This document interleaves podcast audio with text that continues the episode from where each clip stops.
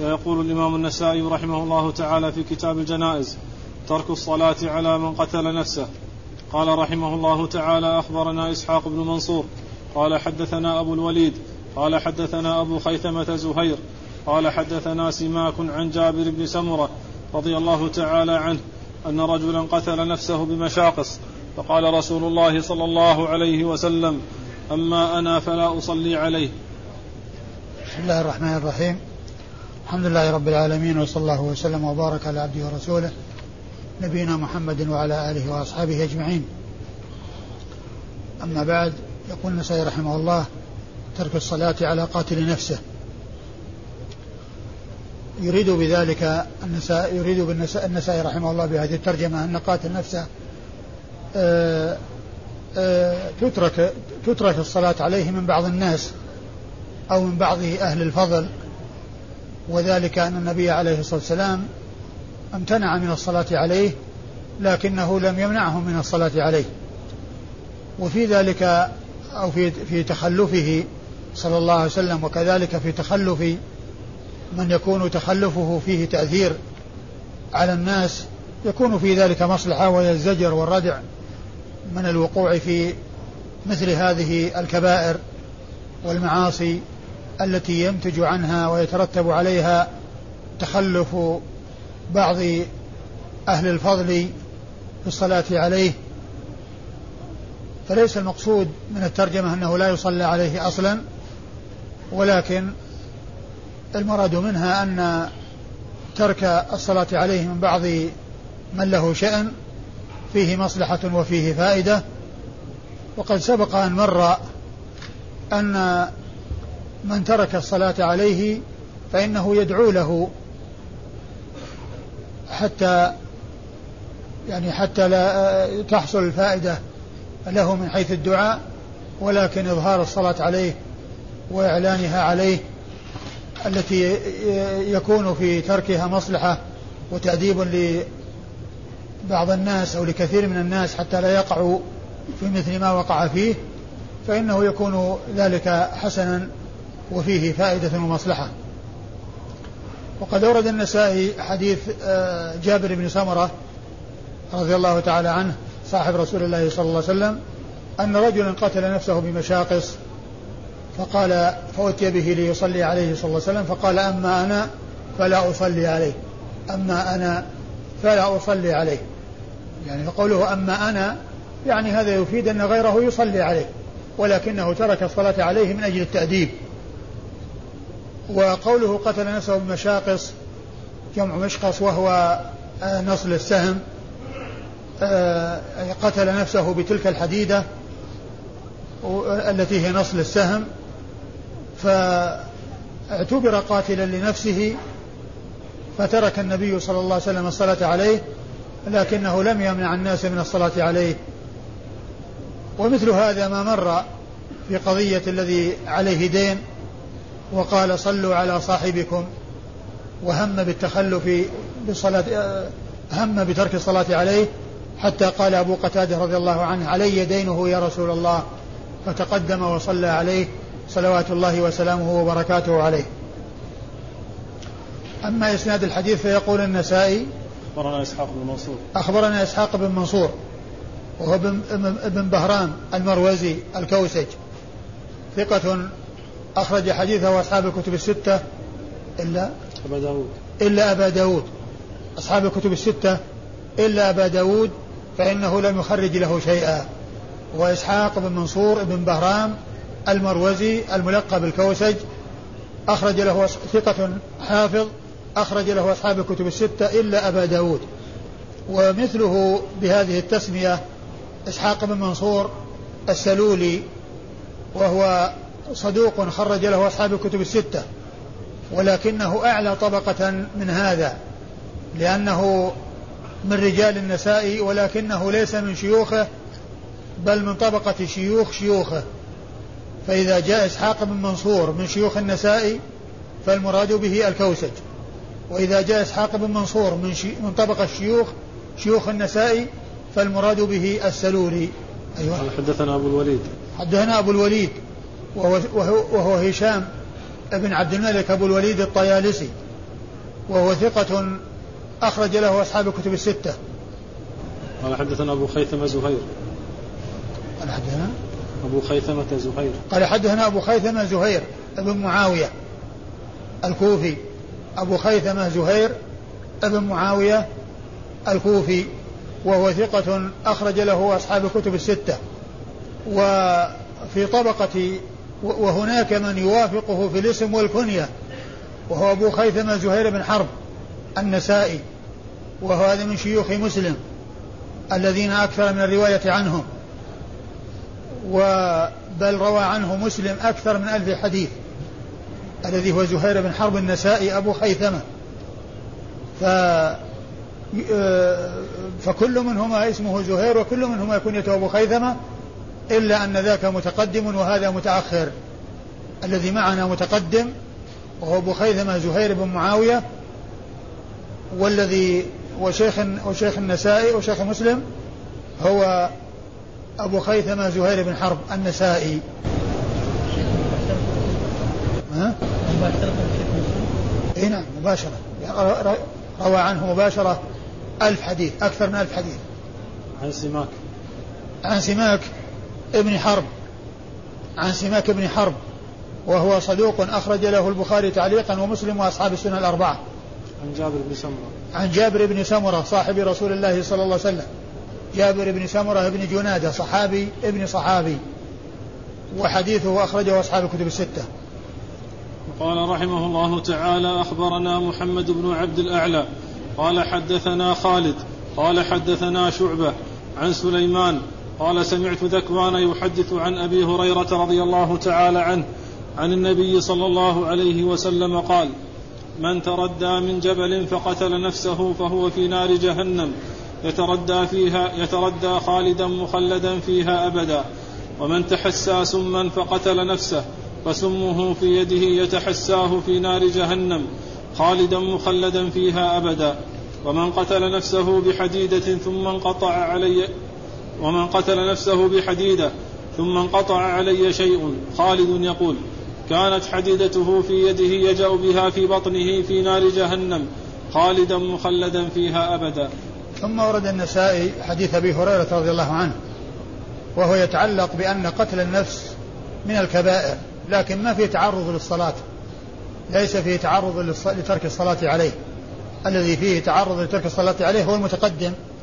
لكن هنا فيه بيان أن قتل النفس من الكبائر لأنه توعد عليه بهذا الوعيد الشديد. ومن المعلوم أن الكبائر هي ما توعد عليه أحسن ما قيل فيها أنها ما كان عليه حد في الدنيا أو توعد عليه بلعنة أو غضب أو نار في الآخرة. فإذا فإذا توعد الشيء الذي توعد عليه بغضب أو بلعنة أو نار فإنه يعتبر من الكبائر. وهنا قتل النفس بهذه الأنواع من أنواع القتل وكذلك غيرها. هذا مجرد أمثلة. يعني كل إنسان يقتل نفسه بأن يتردى من جبل أو يشرب سم سم أو سم أو يقتل نفسه بحديدة. هذه أنواع من أنواع قتل النفس. والمراد التمثيل وليس الحصر.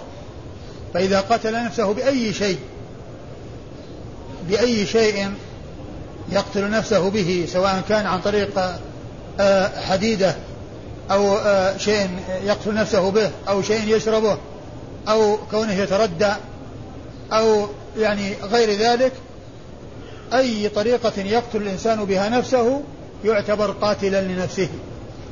وقد بين النبي عليه الصلاة والسلام أن من قتل نفسه بشيء عذب به يوم القيامة عذب به في, الآخرة.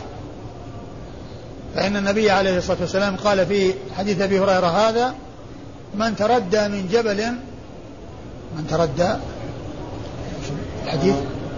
من تردى من جبل فقتل نفسه فهو في نار جهنم يتردى خالدا مخلدا فيها أبدا. من قتل من تردى نفسه من جبل فقتل نفسه فهو في نار جهنم يتردى. يعني معناه أنه يسقط ويهوي مثل ما سقط ذلك الذي قتل نفسه من جبل وتردى. والتردي يعني معناه هو السقوط. يسقط نفسه من الجبل بأن يقف على قمته ثم يرمي بنفسه. فيترتب على ذلك القتل أو عدمه. فإن حصل قتله بذلك ومات بسبب ذلك فإنه يعتبر قاتلا لنفسه وعقوبته أنه يعاقب بمثل ما آه، فعله. والجزاء من جنس العمل. فكما أنه قتل نفسه بهذا التردي فإنه يتردى في نار جهنم. خالدا مخلدا فيها أبدا. وكذلك من تحسى سما يعني شربه وابتلعه ومات بسبب ذلك فإنه يتحسى سمه في نار جهنم خالدا مخلدا فيها أبدا. ومن قتل نفسه بحديدة فإنه يجأ نفسه بحديدته في نار جهنم خالدا فيها مخلدا خالدا خالدا مخلدا فيها أبدا. يعني أن من قتل شيئا عذب به يوم القيامة. من قتل شيئا أو من قتل نفسه بشيء عذب به يوم القيامة. فالجزاء من جنس العمل. الجزاء من جنس العمل. وقد جاء نصوص كثيرة تدل على أن الجزاء من جنس العمل في الخير والشر. من نفس عن مسلم كربة من كربة نفس الله عنه بها كربة من كرب يوم القيامة. من ستر مسلما ستره الله في الدنيا والآخرة. من سلك طريقا يلتمس فيه علما سهل الله له بطريق الجنة. الجزاء من جنس العمل. لكن وكذلك في الأمور الضارة هنا في التردي وفي شرب السم وفي قتل النفس بحديدة فإنه يعذب بذلك يوم القيامة. وما جاء فيه من ذكر التخليد ليس المقصود منه أنه يكون مخلدا. تخليد الكفار أبد الآباد بحيث لا يكون له سبيل إلى الخروج من النار ودخول الجنة. فإن كل ذنب دون الشرك فهو تحت مشيئة الله سبحانه وتعالى.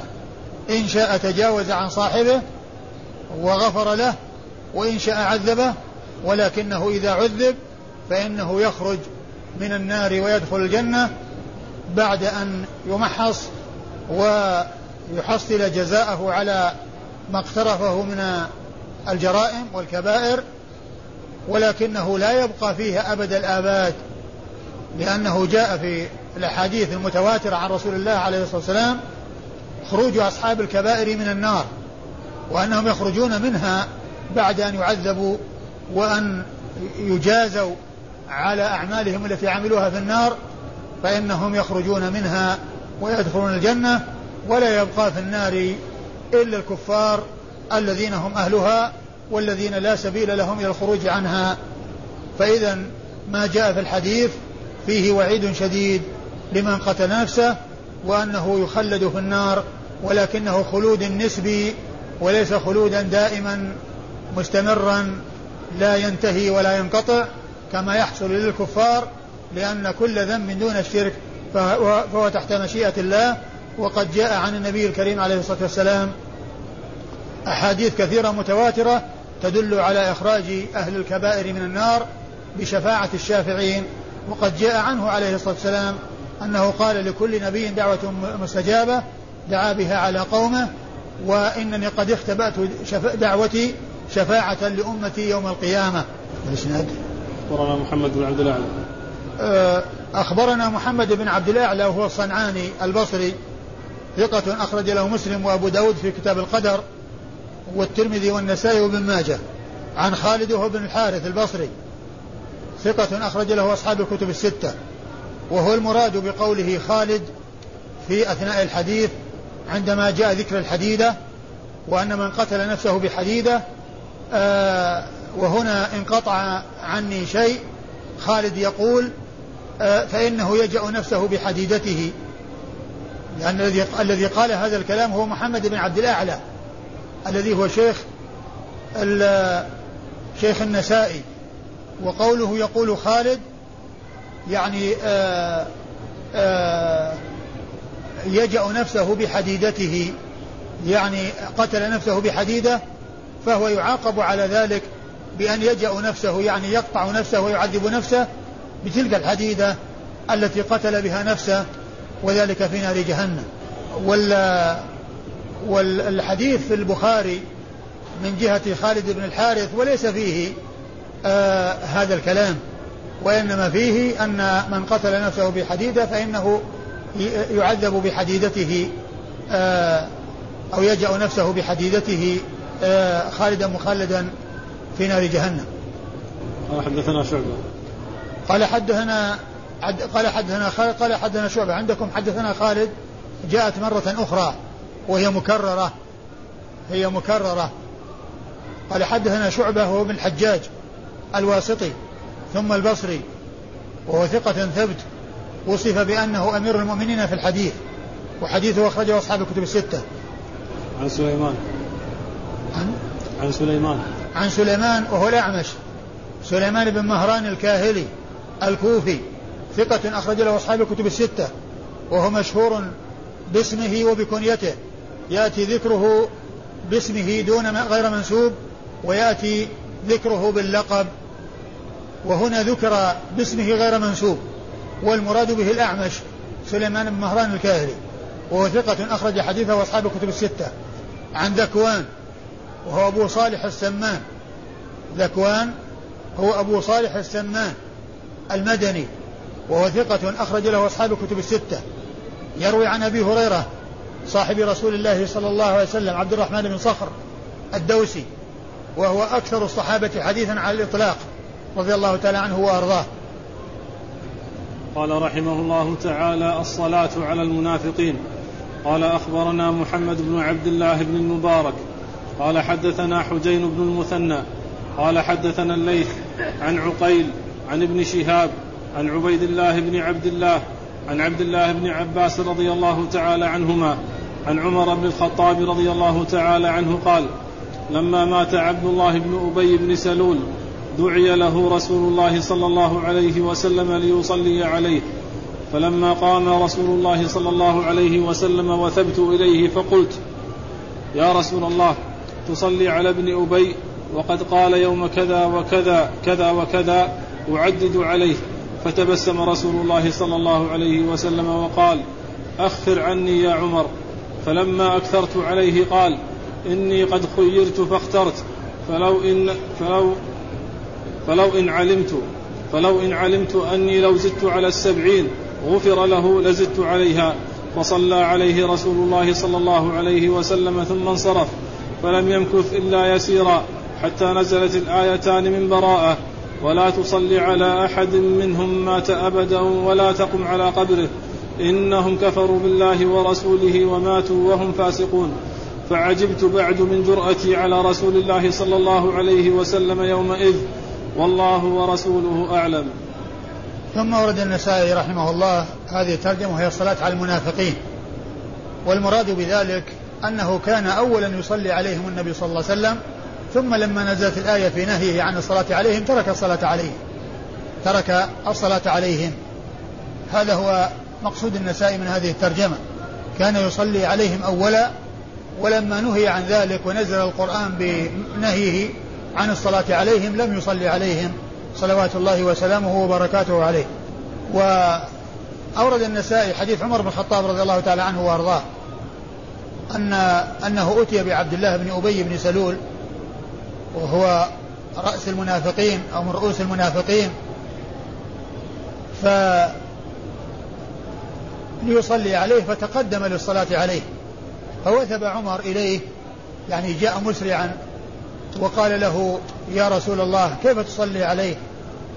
وهو عمل كذا ويعدد أشياء يعني حصلت منه. فالرسول صلى الله عليه وسلم قال أخر عني يا عمر إنني خيرت وأنني لو علمت أنني لو زدت على السبعين لزدت يعني استغفر لهم سبعين مرة استغفر لهم أو لا تستغفر لهم أن تستغفر لهم سبعين مرة.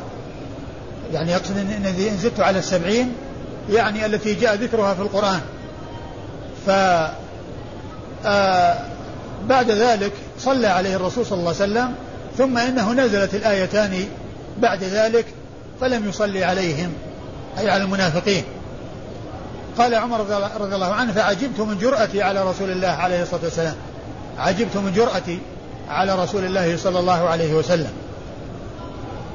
والمراد بالنفاق الذي لا يصلى عليه ما إذا علم هو النفاق الاعتقادي النفاق الاعتقادي الذي هو إظهار الكفر وإظهار إظهار الإيمان وإبطان الكفر.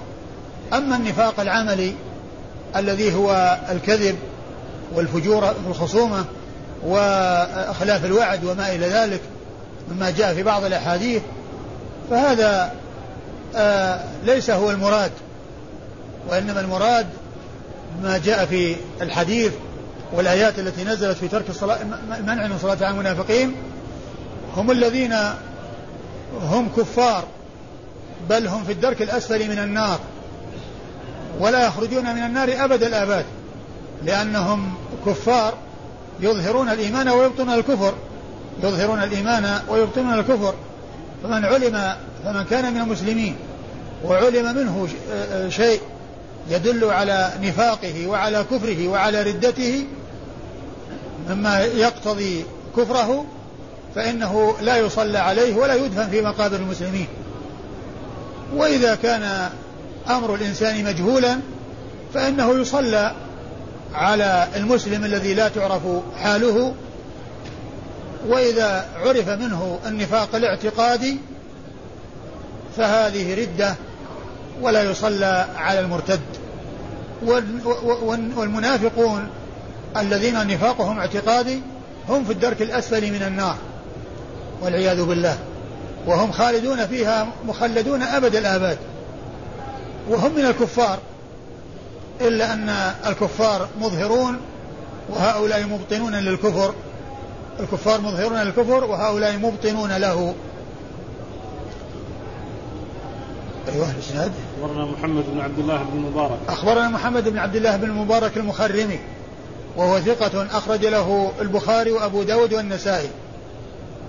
عن حجين بن المثنى. عن؟ حجين بن المثنى. حجين بن المثنى حجين حجين بن المثنى ثقة أخرج له أصحاب الكتب الستة إلا ابن ماجه. عن الليث عن الليث بن سعد المصري ثقة فقيه أخرج له أصحاب الكتب الستة. عن عقيل. عن عقيل؟ نعم. عن عقيل بن خالد بن عقيل المصري وهو ثقة أخرج له أصحاب الكتب الستة. عن ابن شهاب. عن ابن شهاب وهو محمد بن مسلم بن عبيد الله بن عبد الله بن شهاب بن عبد الله بن الحارث بن زهرة بن كلاب ثقة فقيه مكثر من رواية حديث رسول الله صلى الله عليه وسلم وحديثه أخرجه أصحاب الكتب الستة وهو من صغار التابعين الذين أدركوا صغار الصحابة. عبيد الله بن عبد الله. عن عبيد الله بن عبد الله وهو بن عتبة بن مسعود الثقفي وهو ثقة فقيه. أخرج له أصحاب الكتب الستة وهو أحد العباد الأربعة وهو أحد الفقهاء السبعة وهو أحد الفقهاء السبعة في المدينة في عصر التابعين. الذين اشتهروا بلقب الفقهاء السبعة في المدينة وهم عبيد الله بن عبد الله بن عتبة بن مسعود هذا وخارجة بن زيد بن ثابت وعروة بن الزبير بن العوام والقاسم بن محمد بن أبي بكر الصديق وسليمان بن يسار وسعيد المسيب هؤلاء ستة متفق على عدهم في الفقهاء السبعة. والسابع فيه ثلاث أقوال. قيل أبو سلمة بن عبد الرحمن بن عوف وقيل أبو بكر بن عبد الرحمن بن الحارث بن هشام وقيل سالم بن عبد الله بن عمر بن الخطاب. يروي عن عبد الله بن عباس. عن عبد الله بن عباس بن عبد المطلب ابن عم رسول الله صلى الله عليه وسلم وهو أحد العباد الأربعة من أصحابه الكرام. وهم عبد الله بن عباس وعبد الله بن الزبير وعبد الله بن عمر وعبد الله بن عمرو. وهو أحد السبعة المعروفين بكثرة الحديث عن النبي صلى الله عليه وسلم. وهو من صغار الصحابة. توفي رسول الله عليه الصلاة والسلام وقد ناهز الاحتلام كما جاء ذلك في آه، حديث حجة الوداع. عمر بن الخطاب. عن عمر بن الخطاب رضي الله تعالى عنه صاحب رسول الله صلى الله عليه وسلم وثاني الخلفاء الراشدين الهادين المهديين صاحب المناقب الجمة والفضائل الحميدة آه وهو الذي قال عنه الرسول الكريم عليه الصلاة والسلام ما سلكت فجا إلا وسلك الشيطان فجا غير فجك رضي الله تعالى عن عمر وعن الصحابة أجمعين. قال رحمه الله تعالى الصلاة على الجنازة في المسجد. قال أخبرنا إسحاق بن إبراهيم وعلي بن حجر. قال حدثنا عبد العزيز بن محمد عن عبد الواحد بن حمزة عن عباد بن عبد الله بن الزبير عن عائشة رضي الله تعالى عنها قالت ما صلى رسول الله صلى الله عليه وسلم على سهيل بن بيضاء إلا في المسجد. ثم ورد النسائي هذه الترجمة وهي الصلاة في المسجد الصلاة على الجنازة في المسجد. من المعلوم أن النبي عليه الصلاة والسلام كان يصلي على الجنائز خارج المسجد. يعني آه، في مكان ليس في المقبرة وليس في المسجد ولكنه جاء عنه ما يدل على الصلاة في المسجد ما يدل على الصلاة على الجنازة في المسجد. وقد أورد النسائي هذه الترجمة وأورد تحتها حديث عائشة. حديث أم المؤمنين عائشة رضي الله تعالى عنها وأرضاها. ما صلى الرسول صلى الله عليه وسلم على ابن على سهيل بن بيضاء إلا في المسجد. يعني معناها أن صلاته عليه كانت في المسجد وهذا يدلنا على جواز الصلاة في المسجد على الجنازة. وسهيل بن بيضة هو منسوب إلى أمه منسوب إلى أمه. وقد اشتهر بذلك. قد عرفنا أن هناك عدد من الرواة ومن الصحابة يأتي ذكرهم منسوبون إلى أمهاتهم وهذا منهم. والمقصود أن الصلاة على الجنازة في المسجد سائغة لا سيما فيما إذا كان الأعداد كبيرة ولا يتيسر لها أن تجتمع في مكان مثل اجتماعها في المسجد. فإن السنة وردت بذلك والصلاة في المسجد سائغة ولا مانع منها. والإسناد؟ أخبرنا سويد بن نصر. أخبرنا سويد بن نصر المروزي. وهو ثقة أخرج حديثه الترمذي والنسائي. عن عبد الله بن المبارك المروزي. شيخنا الإسناد اللي قبله إسحاق بن إبراهيم وعلي بن حجر. إيه طيب. أخبرنا إسحاق بن إبراهيم. إسحاق بن إبراهيم. يقول سيخبرنا إسحاق بن إبراهيم. وإسحاق بن إبراهيم بن مخلد بن راهوية. إسحاق بن إبراهيم بن مخلد بن راهوية الحنظلي المروزي وهو ثقة أخرج حديثه أصحاب الكتب الستة إلا ابن ماجه. وقد وصف بأنه أمير المؤمنين في الحديث وهي من أعلى صيغ التعديل وأرفعها. عن علي بن حجر وعلي بن حجر وهو ابن إياس السعدي المروزي وهو ثقة أخرج حديثه أصحاب البخاري ومسلم والترمذي والنسائي. قال حدثنا عبد العزيز بن محمد. قال حدثنا عبد العزيز بن محمد وهو الدراوردي وهو صدوق أخرج حديثه أصحاب الكتب الستة. عن عبد الواحد بن حمزة. عن عبد الواحد بن حمزة بن عبد الله بن الزبير. وقد قال عنه الحافظ في التقريب إنه لا بأس به وهي تعادل صدوق. وحديثه أخرجه مسلم والترمذي والنسائي. نعم. مسلم والترمذي والنسائي نعم. عن عباد بن عبد الله بن الزبير. عن عباد بن عبد الله بن الزبير. عن عباد بن عبد الله بن الزبير يعني أن أن عبد الواحد بن حمزة يروي عن عمه عباد. عباد بن عبد الله. عباد هو أخو عبد أخو حمزة. فعبد الواحد يروي عن عمه وهو ثقة أخرج له أصحاب الكتب الستة. عن عن عائشة. نعم. عن أم المؤمنين عائشة رضي الله تعالى عنها وأرضاها الصديقة بنت الصديق وهي واحدة من سبعة أشخاص عرفوا بكثرة الحديث عن رسول الله عليه الصلاة والسلام من أصحابه الكرام رضي الله عنهم وأرضاهم ها؟ قال رحمه الله تعالى أخبرنا سويد بن نصر قال حدثنا عبد الله عن موسى بن عقبة عن عبد الواحد بن حمزة أن عباد بن عبد الله بن الزبير أخبره أن عائشة رضي الله تعالى عنها قالت ما صلى رسول الله صلى الله عليه وسلم على سهيل بن بيضاء إلا في جوف المسجد. ثم ورد النسائي حديث عائشة من طريق أخرى وهو مثل الذي قبله وأن صلاة الرسول صلى الله عليه وسلم على ابن بيضاء إنما هي في المسجد وهو واضح الدلالة على أن المسجد يصلى فيه على الجنازة كما عرفنا ذلك. وأما إسناد الحديث فيقول سيخبرنا سويد بن نصر وهو المروزي وهو ثقة أخرج له الترمذي والنسائي. عن عبد الله بن المبارك المروزي وهو ثقة آه، جواد مجاهد. قال عنه الحافظ في التقريب بعد أن ذكر جملة من صفاته الحميدة جمعت فيه خصال الخير.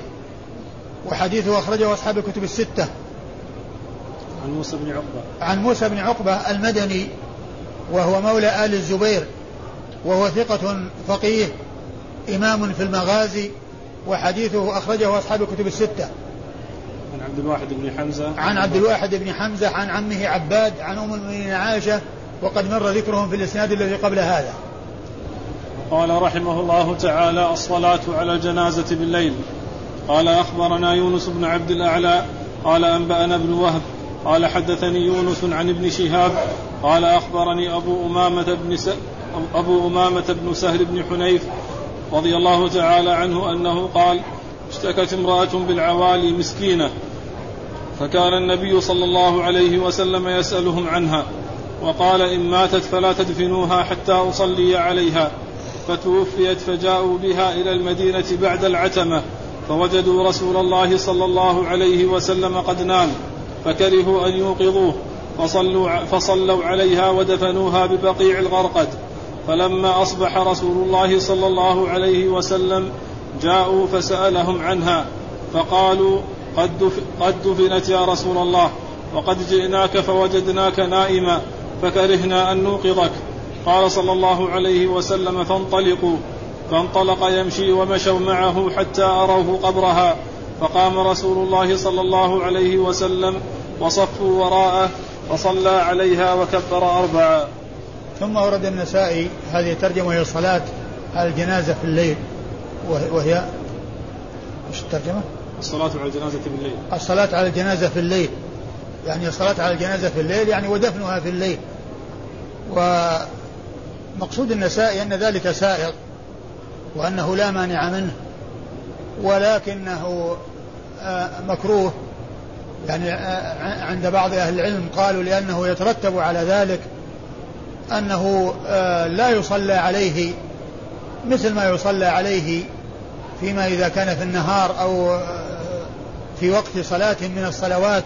وقد أورد النسائي حديث أبي أمامة بن سالم بن حنيف رضي الله تعالى عنه أن النبي عليه الصلاة والسلام أنه كان هناك امرأة مسكينة وكان النبي صلى الله عليه وسلم يقول إن ماتت فأخبروني حتى أصلي عليها. فماتت في الليل وجاءوا بها بعد صلاة العشاء وقد تفرق الناس وكرهوا أن يوقظوا رسول الله صلى الله عليه وسلم وهم أخذوا بما جاء في الإسراع في الجنازة والصلاة عليها ودفنها فعلم رسول الله فأخبروا رسول الله عليه الصلاة والسلام بعد ذلك فقال ألم أقل لكم كذا؟ قالوا إننا كرهنا أن نوقظك يا رسول الله. كرهنا أن نوقظك يا رسول الله. فذهب إليها وذهبوا معه وصلى عليها وصلوا معه وكبر عليها أربعة. فدلنا هذا على جواز الصلاة على الجنازة في الليل وكذلك دفن الميت في الليل ولكنه دفنه في الأوقات التي يكثر فيها المصلون. لا شك أنه أولى من دفنه بالليل والدفن في الليل سائق. آه لا بأس به. وفي الحديث أيضا آه ما كان عليه الرسول صلى الله عليه وسلم من الرأفة بالمساكين وكذلك ما كان عليه أصحاب الرسول صلى الله عليه وسلم من من إكرام الرسول واحترامه وحرصهم على عدم المشقة عليه وعلى عدم إزعاجه وإيقاظه من النوم. ليصلي على تلك الجنازة ويدلنا أيضا على أن الجنازة يصلى عليها أربعة وأنه يكبر عليها أربع تكبيرات أنه يكبر عليها أربع تكبيرات ويدلنا أيضا على أن صلاة الجنازة أنه يصلى عليها أكثر من مرة وذلك أن الرسول قال يعني أمرهم بأن يذهبوا معه وفيهم من صلى. وهذا يشير أو يفيد بأن الصلاة أعيدت من بعض من صلى ومن صلى فإنه صلى من جديد كما صلى رسول الله صلى الله عليه وسلم. ويدلنا على أن الجنازة يجوز أن يصلى عليها بعد الدفن ولكن بعد وقت يسير من الدفن. لا يصلى عليها بعد طول المدد وبعد آه، الأمد الطويل والوقت الطويل. لأن فعل الرسول صلى الله عليه وسلم كان قريب العهد بالدفن. وهو العمدة والدليل على ذلك أو على هذه المسألة. أيوة. إسناد. والحديث سبق أن مر بنا. نعم. أخبرنا يونس بن عبد الأعلى. أخبرنا يونس بن عبد الأعلى وهو الصدفي المصري. وهو صدوق. ثقة. ثقة. نعم أخرجه مسلم والنسائي. ثقة. نعم. ثقة أخرجه مسلم. النسائي وابن ماجه. أخرج له مسلم والنسائي وابن ماجه. عن ابن وهب. عن ابن وهب وهو عبد الله بن وهب المصري ثقة فقيه. أخرج له أصحاب الكتب الستة. عن يونس. عن يونس بن يزيد الأيلي المصري وهو ثقة أخرج له أصحاب الكتب الستة. عن ابن شهاب. عن ابن شهاب وقد مر ذكره. عن أبي أمامة. عن أبي أمامة وهو أسعد ابن سهل ابن حنيف ومشهور بكنيته وهو معدود في الصحابة وحديثه أخرجه أصحاب الكتب الستة. والله تعالى أعلم وصلى الله وسلم وبارك على عبده ورسوله نبينا محمد وعلى آله وأصحابه أجمعين.